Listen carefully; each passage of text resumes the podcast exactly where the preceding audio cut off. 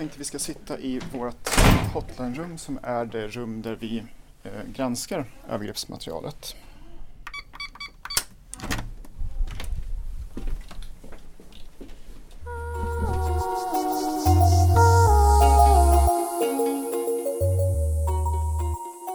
Du lyssnar på en podcast från Ecpat Sverige. Ecpat är en organisation som arbetar för varje barns rätt att inte utnyttjas i sexhandel. Genom förebyggande arbete slår Ecpat mot den efterfrågan och lönsamhet som driver handeln med barn framåt. Läs mer på ecpat.se. Välkommen till Ecpod, som idag kommer att handla om dokumenterade sexuella övergrepp på barn. Du ska få följa med in i en värld som vi inte vill veta existerar, men som vi måste se för barnens skull. Välkomna till det här avsnittet som spelas in i Ecpats hotline och som ju är hjärtat av Ecpats arbete. Thomas Andersson heter jag. Jag är hotline-ansvarig här på Ecpat Sverige. Jag har jobbat här i sju år. Mm. Louise Åhlén heter jag. Jag har jobbat som polis i ungefär tio år. Ehm, och just nu jobbar jag på eh, gruppen som eh, utreder eh, dokumenterade sexuella övergrepp på barn här i Stockholm, regionen. Och jag heter Emelie Kjellfelt och jag är åklagare på internationella åklagarkammaren i Stockholm. Jag har jobbat som åklagare i ungefär 11 år och har en inriktning på brott via internet och framförallt då inriktning på brott som begås mot barn. Thomas Andersson, du jobbar ju här på Ecpat. Kan inte du berätta var vi sitter just nu?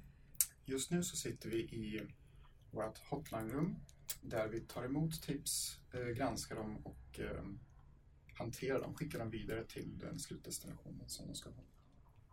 Och hur går det till att, att ta emot ett tips? Det första som händer är ju att någon från allmänheten eh, ser någonting som de misstänker är illegalt på nätet. I regel är det på nätet, men det kan också vara någonting man har. Vi tar också emot tips på människohandel med barn för sexuella ändamål, grooming eller eh, tips på förövare som reser i syfte att exploatera barn sexuellt. Men 99 procent är dokumenterade sexuella övergrepp på barn. Och på vår webbaserade hotlines sida, www.ecpathotline.se, så kan ju då allmänheten lämna sådana här tips. Eh, och då är man anonym om man inte då väljer att lämna kontaktinformation längst ner. Och du visar just nu en sida som man kan gå in på om man är privatperson och upptäcker någonting. Om man är på resa till exempel.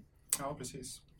Ehm, och de allra flesta tipsen vi får kommer från allmänheten. Men vi får också tips från hotlines i andra länder ifall eh, de misstänker att eh, brottet eh, har med Sverige att göra. Och här kan man vara anonym om man vill. Precis. Ehm, och när man skickar tipset så kommer det till vårt system. Ehm, vi fick, förra året fick vi in 6558 tips allra flesta tipsen kan vi inte bedöma som illegala. Eh, antingen för att någon har tipsat om vuxenpornografi till exempel, som den kände var opassande eller någonting annat. Eller för att eh, när vi granskar sidan så är den redan nedstängd eller materialet redan borttaget. Eller så får vi helt enkelt ingen access till materialet för det krävs ett lösenord eller någonting annat. Men mellan 10-30 procent av tipsen ungefär hanterar vi vidare och det, första vi gör, om det är dokumenterade sexuella övergrepp på barn, är att vi spårar vart servern är belägen. Och är den belägen här i Sverige, eller någonting annat pekar på att det är ett brott som har kopplingar till Sverige, så skickar vi tipset direkt till eh, NOA, eh, nationella operativa avdelningen här i Stockholm. Ehm, finns det inga som helst tecken på att det här brottet har kopplingar till Sverige eller att servern står belägen i annat land, då skickar vi det genom ett annat system som vi har. Eh, som är kopplat till Inhope som är en paraplyorganisation för alla hotlines. Precis som vi har en väldigt nära relation med NOA här i Sverige så förutsätts varje hotline ha en nära relation med sin specialiserade polis i sitt land. Så då skickar vi tipset till dem så att det ska vara den, det ska vara den snabbaste vägen till rätt polis i rätt land helt enkelt. Och hur många är ni som jobbar med hotlinen här på Ecpat? Ehm, just nu är vi tre ehm, och vi strävar efter att vara fyra personer och vi kommer att vara fyra nu i höst. Hur är det att sitta här och, och ta emot de här tipsen och, och titta på det här materialet? Ja, ehm, jag har arbetat med det här i sju år nu och på något sätt så hanterar man det, för annars så gör man det inte helt enkelt eh, under en längre tid. Man gör det med en, en respekt för barnet på bilden. Man kanske är den första som ser det här övergreppet eh, utan att ha eh, ett, ett sexuellt syfte. Och framför allt så gör man det i vetskapen om att om jag hanterar det här rätt så kanske nästa person i kedjan hanterar det här rätt. Och syftet med Ecpat Hotline är ju att polisen ska få fler relevanta tips som i slutändan leder till att fler barn identifieras. Alla ni som sitter i det här rummet, ett ganska litet rum i centrala Stockholm, det är två datorskärmar här och på de här datorskärmarna så, så vet jag att det har funnits väldigt mycket material på barn som utsätts just för sexuella övergrepp. Ni gör ju ett ofantligt viktigt jobb. Vad har ni för samarbete, ni som sitter här, Louise eh, och Thomas och Emelie, hur jobbar ni tillsammans? Det material som vi spår till Sverige skickar vi till NOA och NOA är ju sedan ansvarig för att antingen då, om det rör sig till exempel om resande förövare så utreds det ju där. Men om det är dokumenterade sexuella övergrepp så ska det skickas ut i regionerna. Precis, det är då våra grupper kommer in. Vi sitter här på regionen Stockholm och det finns liknande regioner, eller ska finnas i, i hela Sverige. Eh, och då tar vi upp det här eh, som en form av anmälan då, som kommer direkt från NOA. Eh, och eh, i vårat led så, så gör vi en bedömning av bilderna som vi får in och sen så lottar vi det på en åklagare eftersom samtliga brott är åklagarledda i den här kategorin då, som det gäller övergrepp på barn. Ehm, så det är väl det, vår kontakten här emellan är väl att vi försöker lära av varandra. Ehm, det finns olika saker som, som kommer upp här på ECPAT, det finns olika saker på åklagarnivå som, som vi försöker lära av så att vi blir effektivare helt enkelt och kan hitta fler barn och, och även hjälpa förövarna i den mån det går. Ja, men vad är då barnpornografi? Alltså barnpornografi det är dokumenterade sexuella övergrepp på barn. Och barn enligt den svenska lagens mening det är dels eh, personer som är under 18 år och dels personer som inte är färdigpuberterade.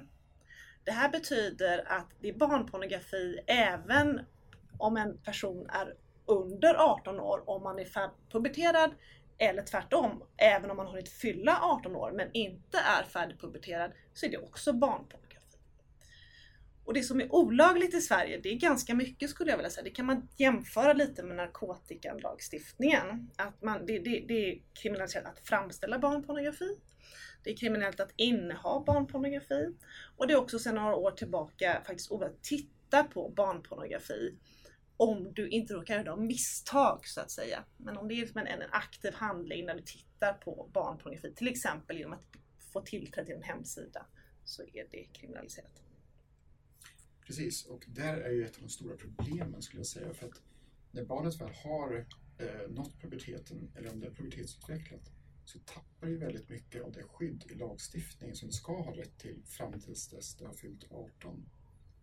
Eh, om det enda du har är bilden och därigenom ska göra en bedömning så det är otroligt svårt att säga om det här är en 17-åring eller en 20-åring. Ehm, så det är ju och det är väldigt svårt att komma runt på något sätt tills vi har en, en maskin som du kan stoppa in bilden i så kommer ut en ålder. Men det, men det är ju en absolut utmaning och det det innebär är ju att väldigt många barn, beroende på hur, hur deras pubertetsutveckling eh, har gått, så har de ett svagare skydd i lagstiftningen. Finns det något sätt man skulle kunna komma, skulle kunna förbättra det här skyddet?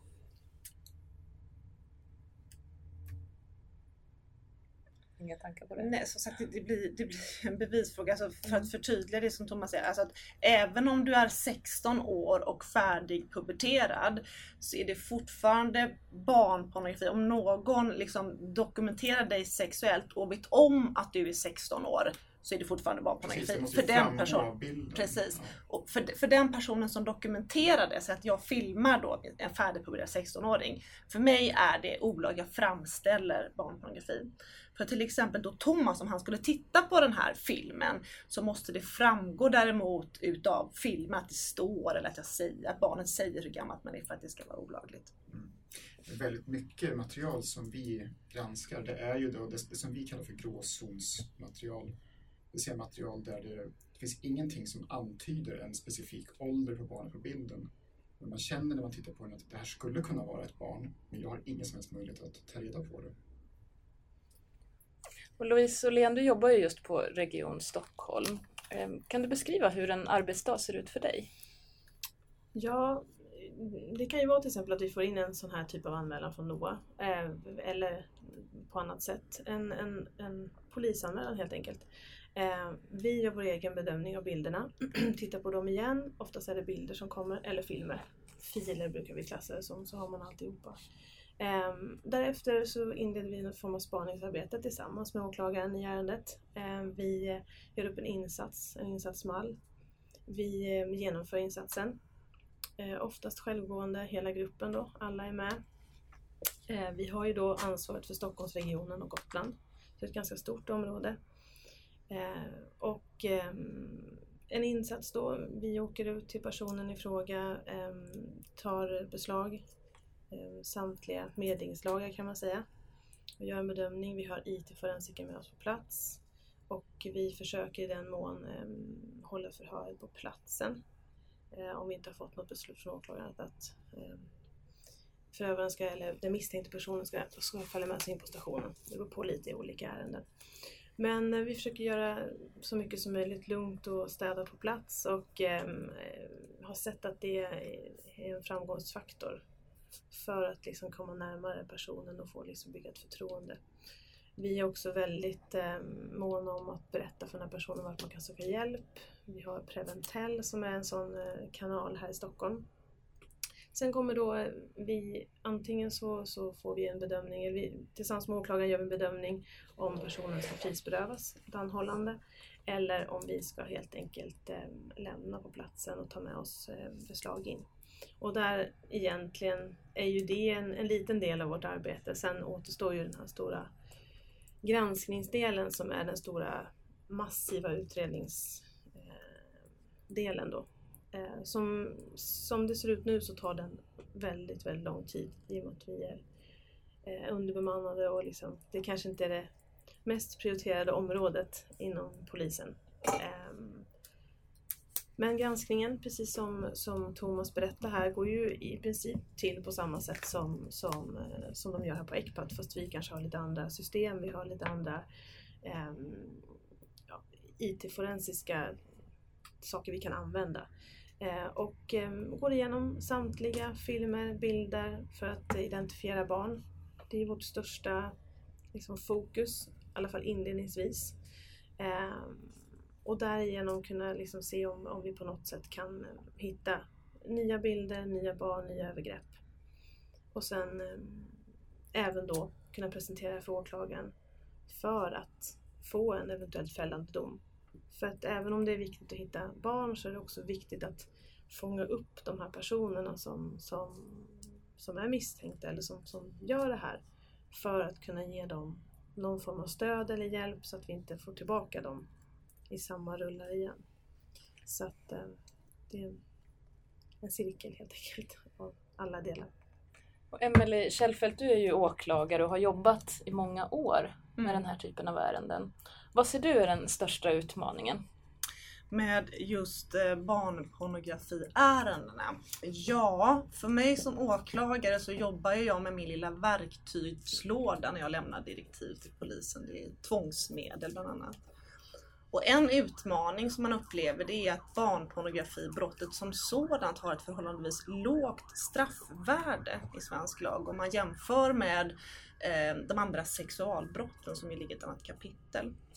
Så det är en utmaning eh, för mig att få ihop en bra utredning med begränsade resurser, alltså juridiska resurser. Eh, samtidigt är den utmaningen att de rena barnpornografiutredningarna tycker jag som har jobbat många år med utredningar mot barn, det är något av de tuffaste utredningarna mentalt att hantera. Och det beror på att du får liksom kanske bara några sekunder utav grova övergrepp innan det är nästa bild eller nästa film eller nästa fil. Men du vet aldrig vad hände med barnet? Vem är barnet? Lever barnet? Pågår övergreppen? Har du en utredning där du har ett identifierat barn, ett identifierat offer, så vet man på något sätt att liksom, situationen är under kontroll. Och det tycker jag är ganska jobbigt när man jobbar just med rena barnpornografibrott.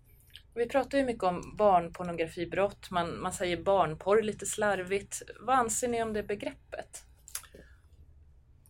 Ja, jag tycker det är ett fruktansvärt begrepp. Ehm, I själva verket så är det ju ett bevismaterial på ett sexualbrott mot ett barn. Ehm, det har ingenting med pornografi att göra.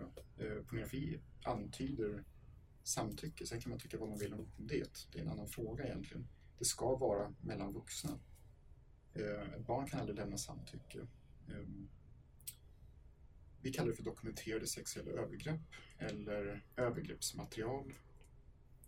Eh, och det är de flesta ehm, poliser vi pratar med de flesta som arbetar med det här materialet, de har väldigt lätt att förstå. De använder också andra termer än barnpornografi. Ehm, jag såg i en regering från, eller en, en utredning från regeringen alldeles nyligen så skrev man faktiskt dokumenterade sexuella övergrepp. Ehm, och det var de första gången jag sett det. Så förhoppningsvis så sprider sig liksom detta i vidare cirklar. Och tittar du internationellt så är det ju väldigt få som använder child pornography idag. Man pratar om child sexual abuse material och annat. Så vad skulle behöva förändras där? Alltså brottet behöver en ny benämning.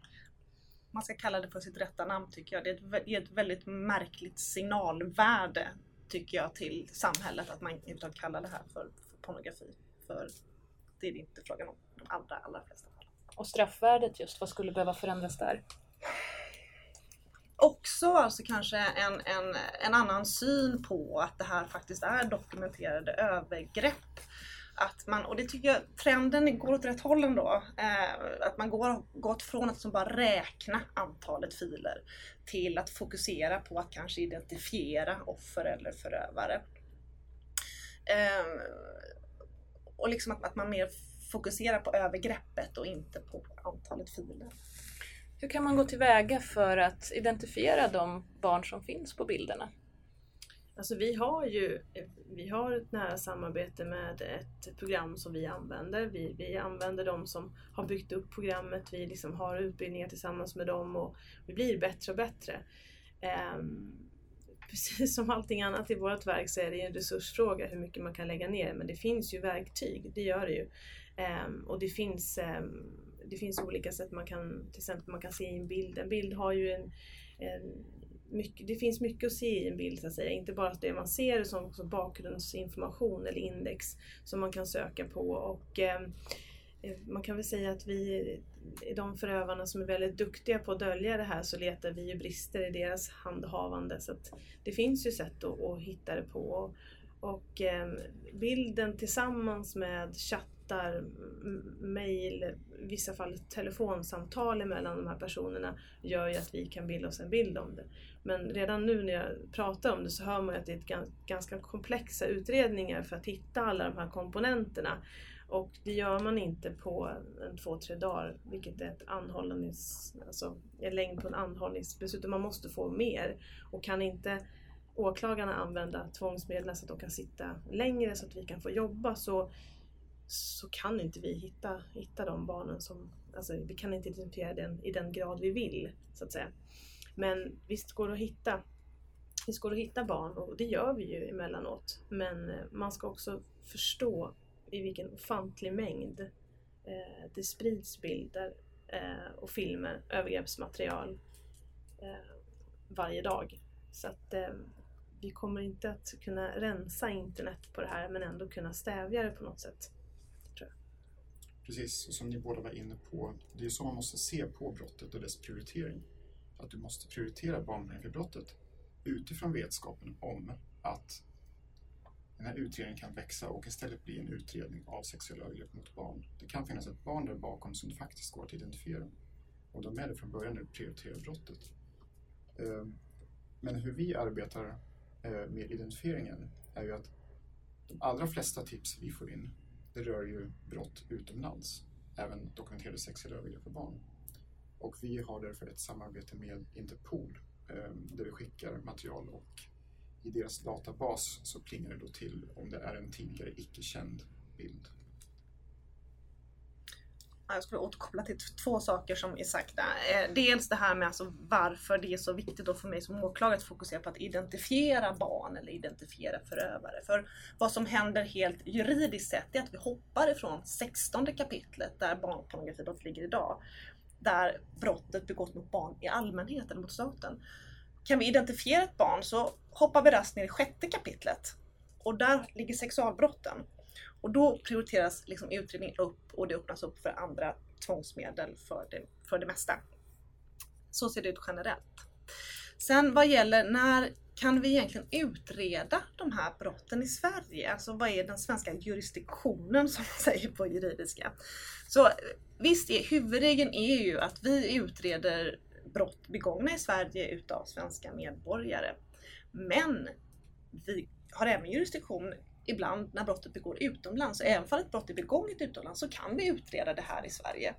Till exempel om ett brott begås utav en svensk medborgare utomlands, då kan vi ju fortfarande utreda det här i Sverige. Likaså om en utländsk medborgare är i Sverige eller befinner sig här så kan vi också utreda det. Men det är klart, det måste finnas någon anknytning till Sverige för att vi ska kunna ha en utredning här. Och även om det inte utreds här så kan vi fortfarande vara behjälpliga i Sverige med rättshjälper till andra länder där utredningen pågår. Louise Åhlén, du pratar ju om resurser och det här enorma eh, härvorna som det kan växa till med miljontals filer. Eh, vad skulle ni behöva?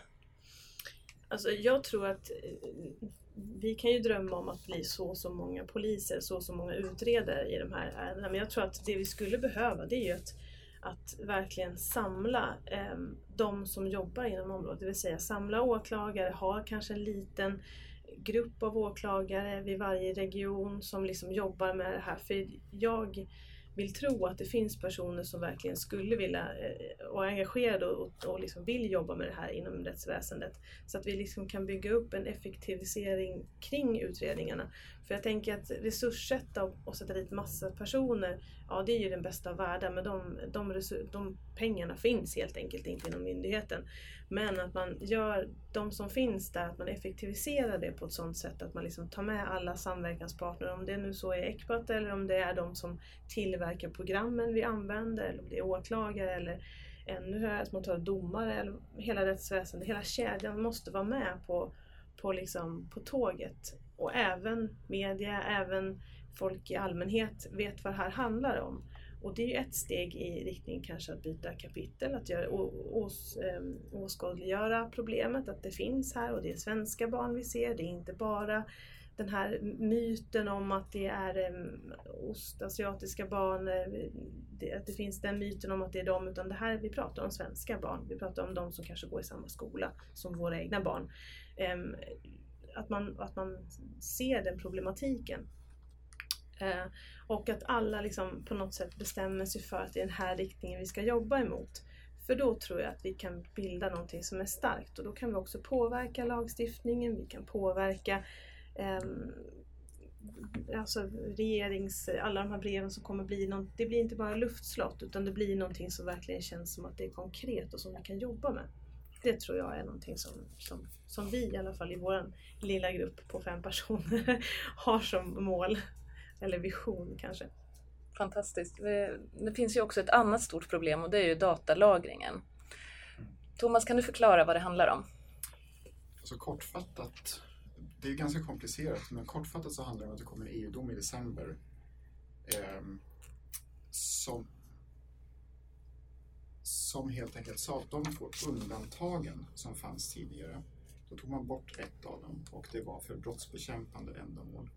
Och det, det innebär är att telekomoperatörer inte längre då, enligt denna EU-dom, får spara data i, syfte, i brottsbekämpande syfte.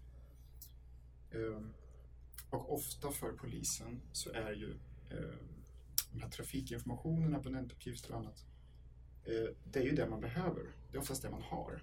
Och då vill man gå till operatören och fråga, vem är det här? Eh, kan man inte göra det för att den datan inte längre finns sparad, då blir det ju naturligtvis stora problem att identifiera förövaren och därmed också offret. Vad ser ni för problem? Nej, alltså det, som, som Thomas säger så är ju det um, vi pratar, i vår i våran värld pratar vi om underrättelseuppslag och det här är ju en, en, en jättestor del i att hitta de här förövarna eller om man nu vill säga som hjälpa de här förövarna och även hitta barnen i andra ledet då. Um, jag tänker att det är ju den stora, stora egentligen klossen som, som i det här pusselspelet som vi kan ge till åklagaren. Så här ser vårt ärende ut. Den här kommer från det här eller det här, eh, den här IP-adressen leder till den här i bästa fall personen eller datorn eller vad det nu är man letar efter. Så att för oss är ju det mm, det är ett förödande verktyg som används mot oss då i och med att man också kan välja operatörer som inte sparar vilket vi har sett att vissa förövare gör. Eh, så att för oss är det ju helt eh, man får också, jag anknyter lite till det som Emelie sa innan, att vi hjälper ju också andra länder eh, med till exempel eh, information. Och eh, de kommer ju inte över en vecka utan det kan ju dröja flera månader innan vi får den förfrågan. Och då kan vi heller inte vara behjälpliga och ge dem den i och med att det har tagit så pass lång tid att vi inte lagrar någonting. Så att vi i Sverige kan inte ens hjälpa liksom, dem med den informationen. Vilket känns ju bristfälligt för där kan det ju vara väldigt stora operationer som, som gäller väldigt många barn. Um, till exempel i stora, stora tillslag man har gjort. Så att det blir ju en, både på fronten här hemma så blir det en försvagande del eh, och skulle det bli helt stopp så vet jag faktiskt inte ens hur vi skulle kunna brottsutreda de här, de här brotten eftersom de är så pass kopplade till IT. Emelie Kjellfeldt, för dig som åklagare, vad får det här datalagringsdirektivet för konsekvenser? Ja, det, det, vi, vi, tappar ju ingången, vi tappar dörren till att öppna en utredning helt enkelt. Eh, och det som, som domstolen sa i sin dom, att, att man vänder sig mot den här generella lagringen. Däremot så sa man så fint att man kan tänka sig att tillåta riktad lagring om det är motiverat av nödvändighet för att utreda grov brottslighet. Och det här låter ju toppen när man hör det. Det är ungefär, vem vill inte ha fred på jorden? Men när man tittar på vad det betyder så inser man att det här blir moment 22. För att ska vi veta vem det är som bedriver grov organiserad brottslighet så måste vi ha en ingång, vi måste få en misstanke. Och misstanken kan vi bara få om vi har sparat IP-uppgifter och de får vi inte spara om vi inte har misstänkt och så snurrar hjulet på. Så vad behövs för förändring just när det gäller datalagringen?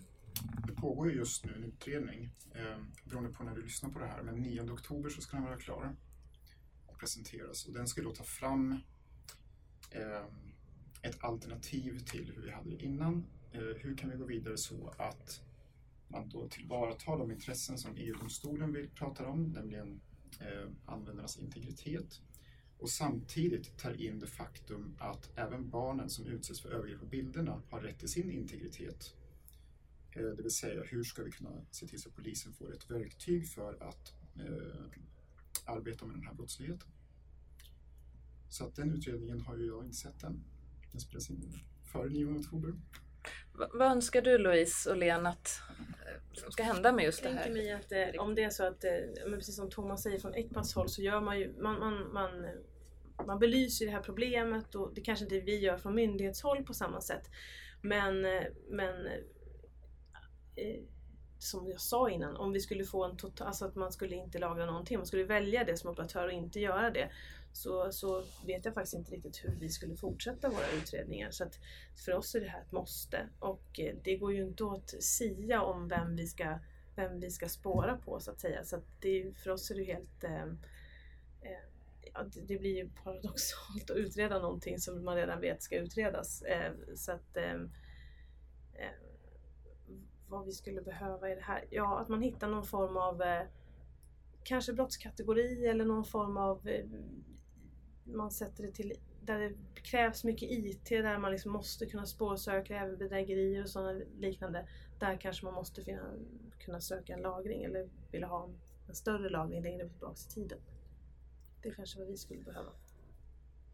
Jag tror också att ibland när man kommer in i de här debatterna som är på sociala medier och så vidare och integriteten ska inte kränkas och, och hej och hå. Så, så, så, tyvärr så blottas ibland en viss okunskap känner jag lite hos allmänheten också. För, för vad är det egentligen för uppgifter vi begär in?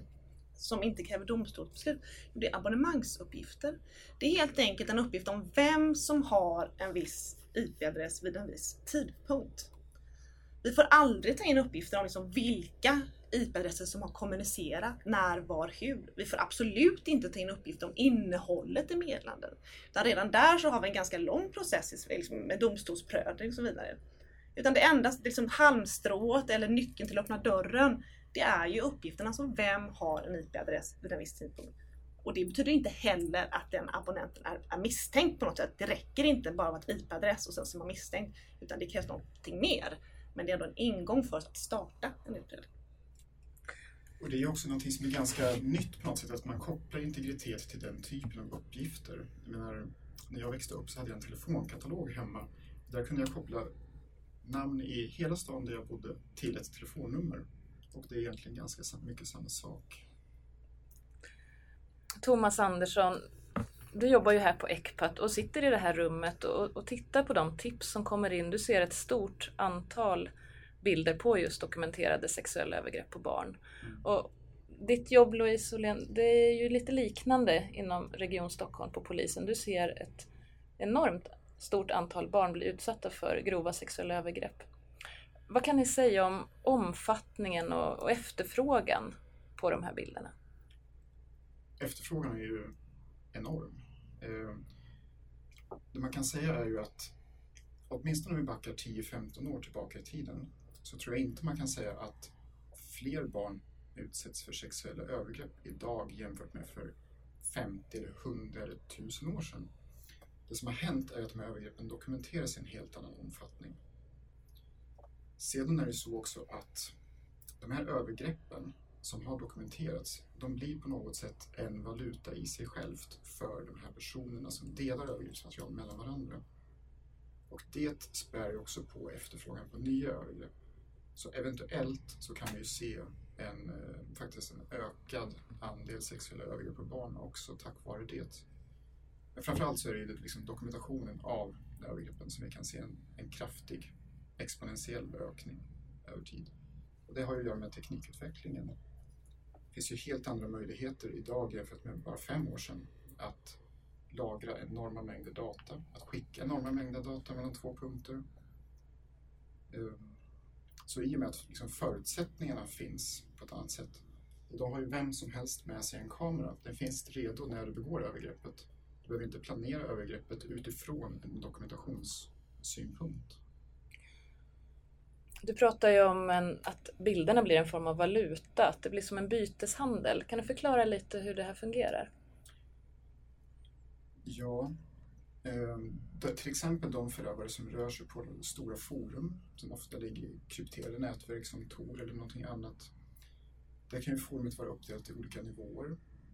Det finns en, eh, en första nivå som du kommer in på, där kommer vem som helst in som har bara adressen till eller själva Tor-länken. Sen kan det finnas en så kallad VIP-nivå då som du kanske måste ansöka om för att komma in i och då kanske de kollar vem du är och hur du sköter din säkerhet på nätet och annat. Och sen så kan det finnas en, eh, en översta nivå där de som producerar material kommunicerar med varandra, där de delar sitt eget material med varandra, där de eh, diskuterar för att normalisera den här övergreppsprocessen tipsa varandra om allt från hur man håller sig säker på nätet till vart man kan resa för att få tillgång till barn och mycket, mycket annat. Vad säger du Louise Åhlén? Nej men det är det vi, det är det vi ser. Vi brukar kalla vi brukar beskriva det som de här ringarna som, som eh, man ser i olika chattar i olika sammanhang. Mycket av det som du beskriver där att det är tillgängligt och nu finns det också oändliga möjligheter att göra det icke tillgängligt i och med att vi har den, den mörka sidan av internet, så att säga, både Tor och, och andra eh, ställen där man kan dölja det här ganska bra på. Eh, det, det, vi ser kanske som, som syns mycket, som, som vi märker av mycket nu, det är ju också att det, även om man har den här valutan då, att man byter bilder med varandra, så är det ganska mycket nytt övergreppsmaterial som sprids i de här yttre ringarna. Det vill säga att det går ganska lätt att hitta eh, relativt nya övergreppsmaterial, bilder och filmer eh, redan i de första leden så att säga.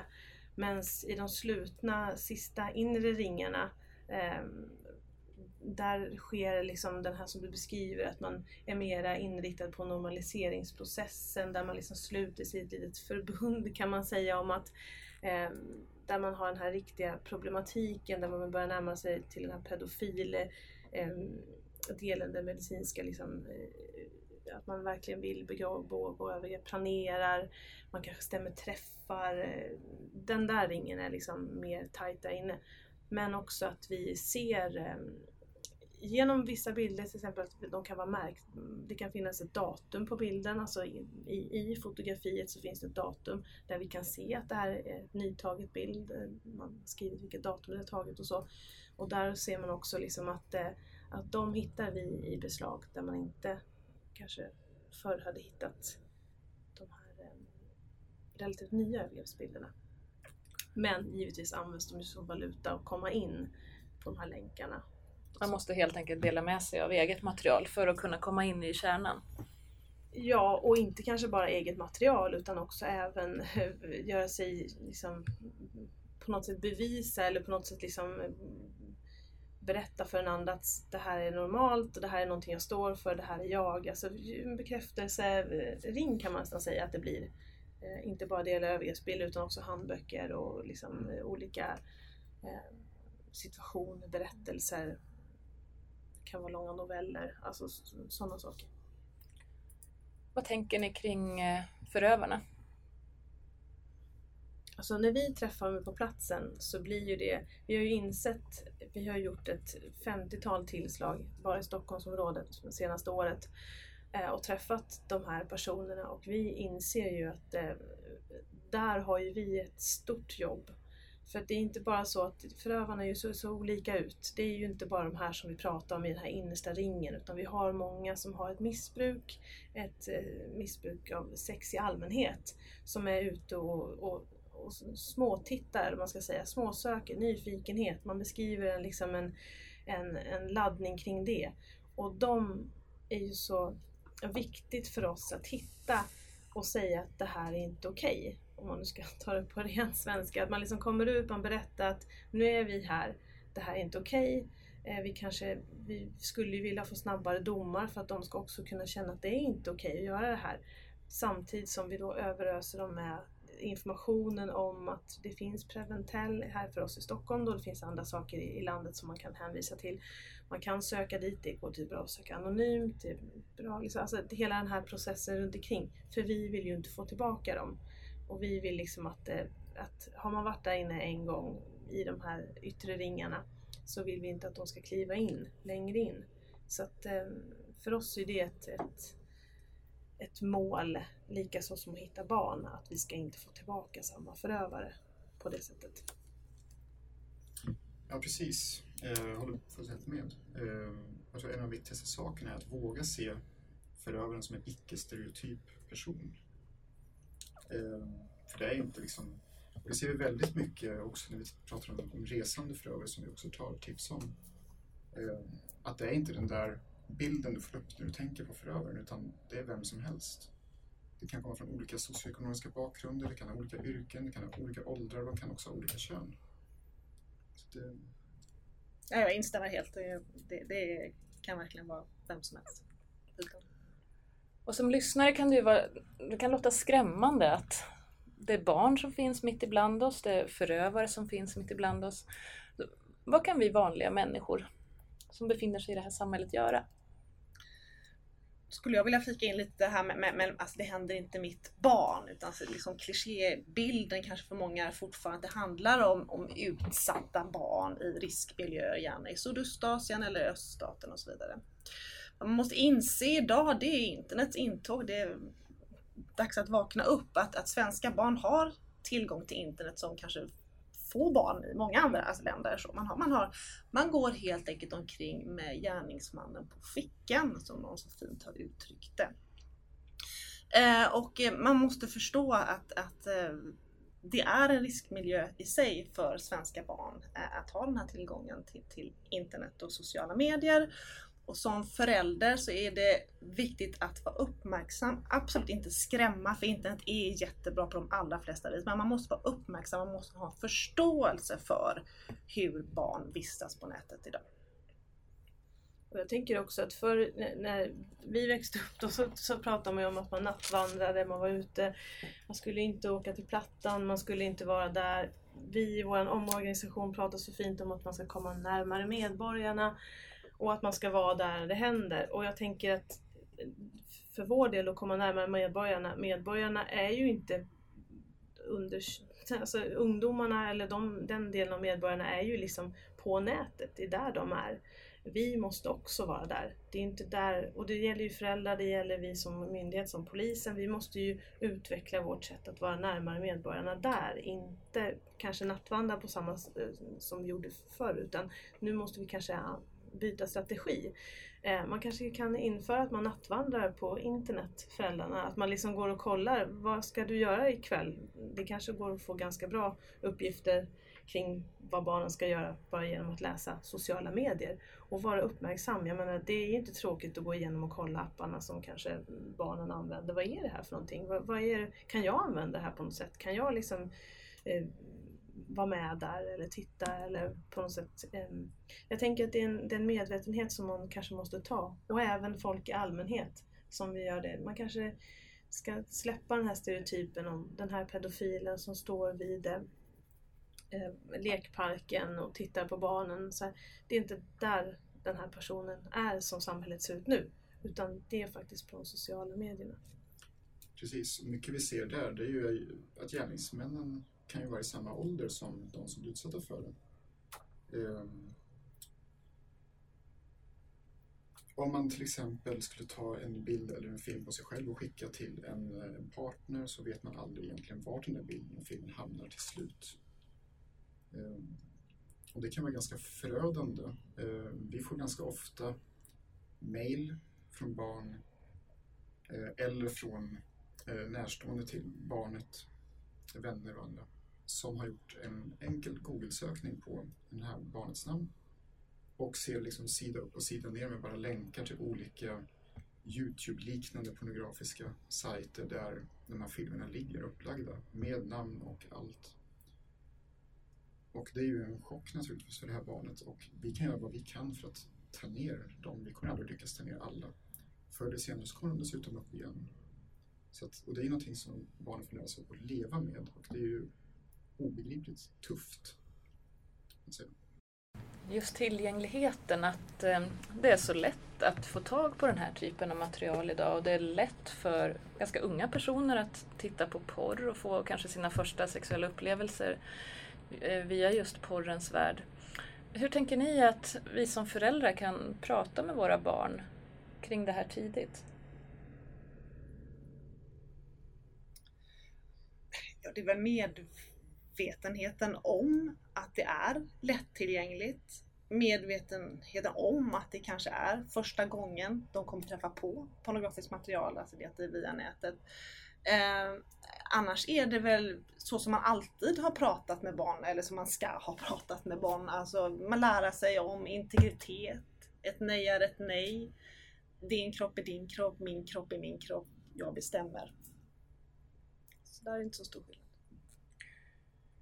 Vi ska avrunda alldeles strax, men jag tror att många som, som lyssnar på er dels är väldigt imponerade av ert arbete, att ni orkar, men också hur hanterar ni allt det svåra som ni ser och möter i era arbeten? I vår grupp så har vi ju, vi har ju en, en, en handledning som, som, där vi kan ta upp eh, det man känner, tycker, tänker kring bilder och sådär. Men vi har ju upplevt att det kanske inte är just den som fokuset kring det här materialet, liksom, det är inte där vi bearbetar det här på så sätt, utan det är nog snarare i gruppen i sig. Vi har ett otroligt öppet klimat, vi försöker att Eh, prata högt och lågt om bilderna. Vi försöker kanske inte vi har en korridor där vi liksom, där är det högt och lågt. Vi försöker tona ner den när det kommer folk som inte är med i vår grupp eh, i mesta mån. Men vi har en väldigt liksom, det, det är en väldig öppenhet. Eh, folk kanske skulle avskräckas av den här öppenheten för att det är ju vårt jobb och vi tittar på de här bilderna, timtalslånga filmerna varje dag.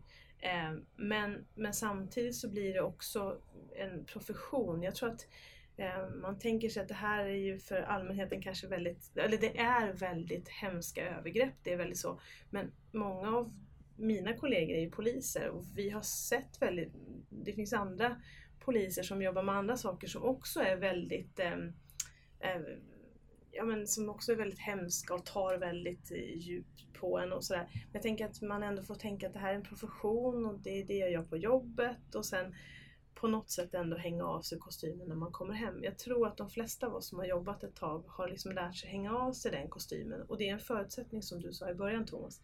Att klarar man inte av att göra det, då tror jag inte man blir långvarig och hålla på med det här och då kan man då liksom brister engagemanget och man liksom tröttas ut av det här.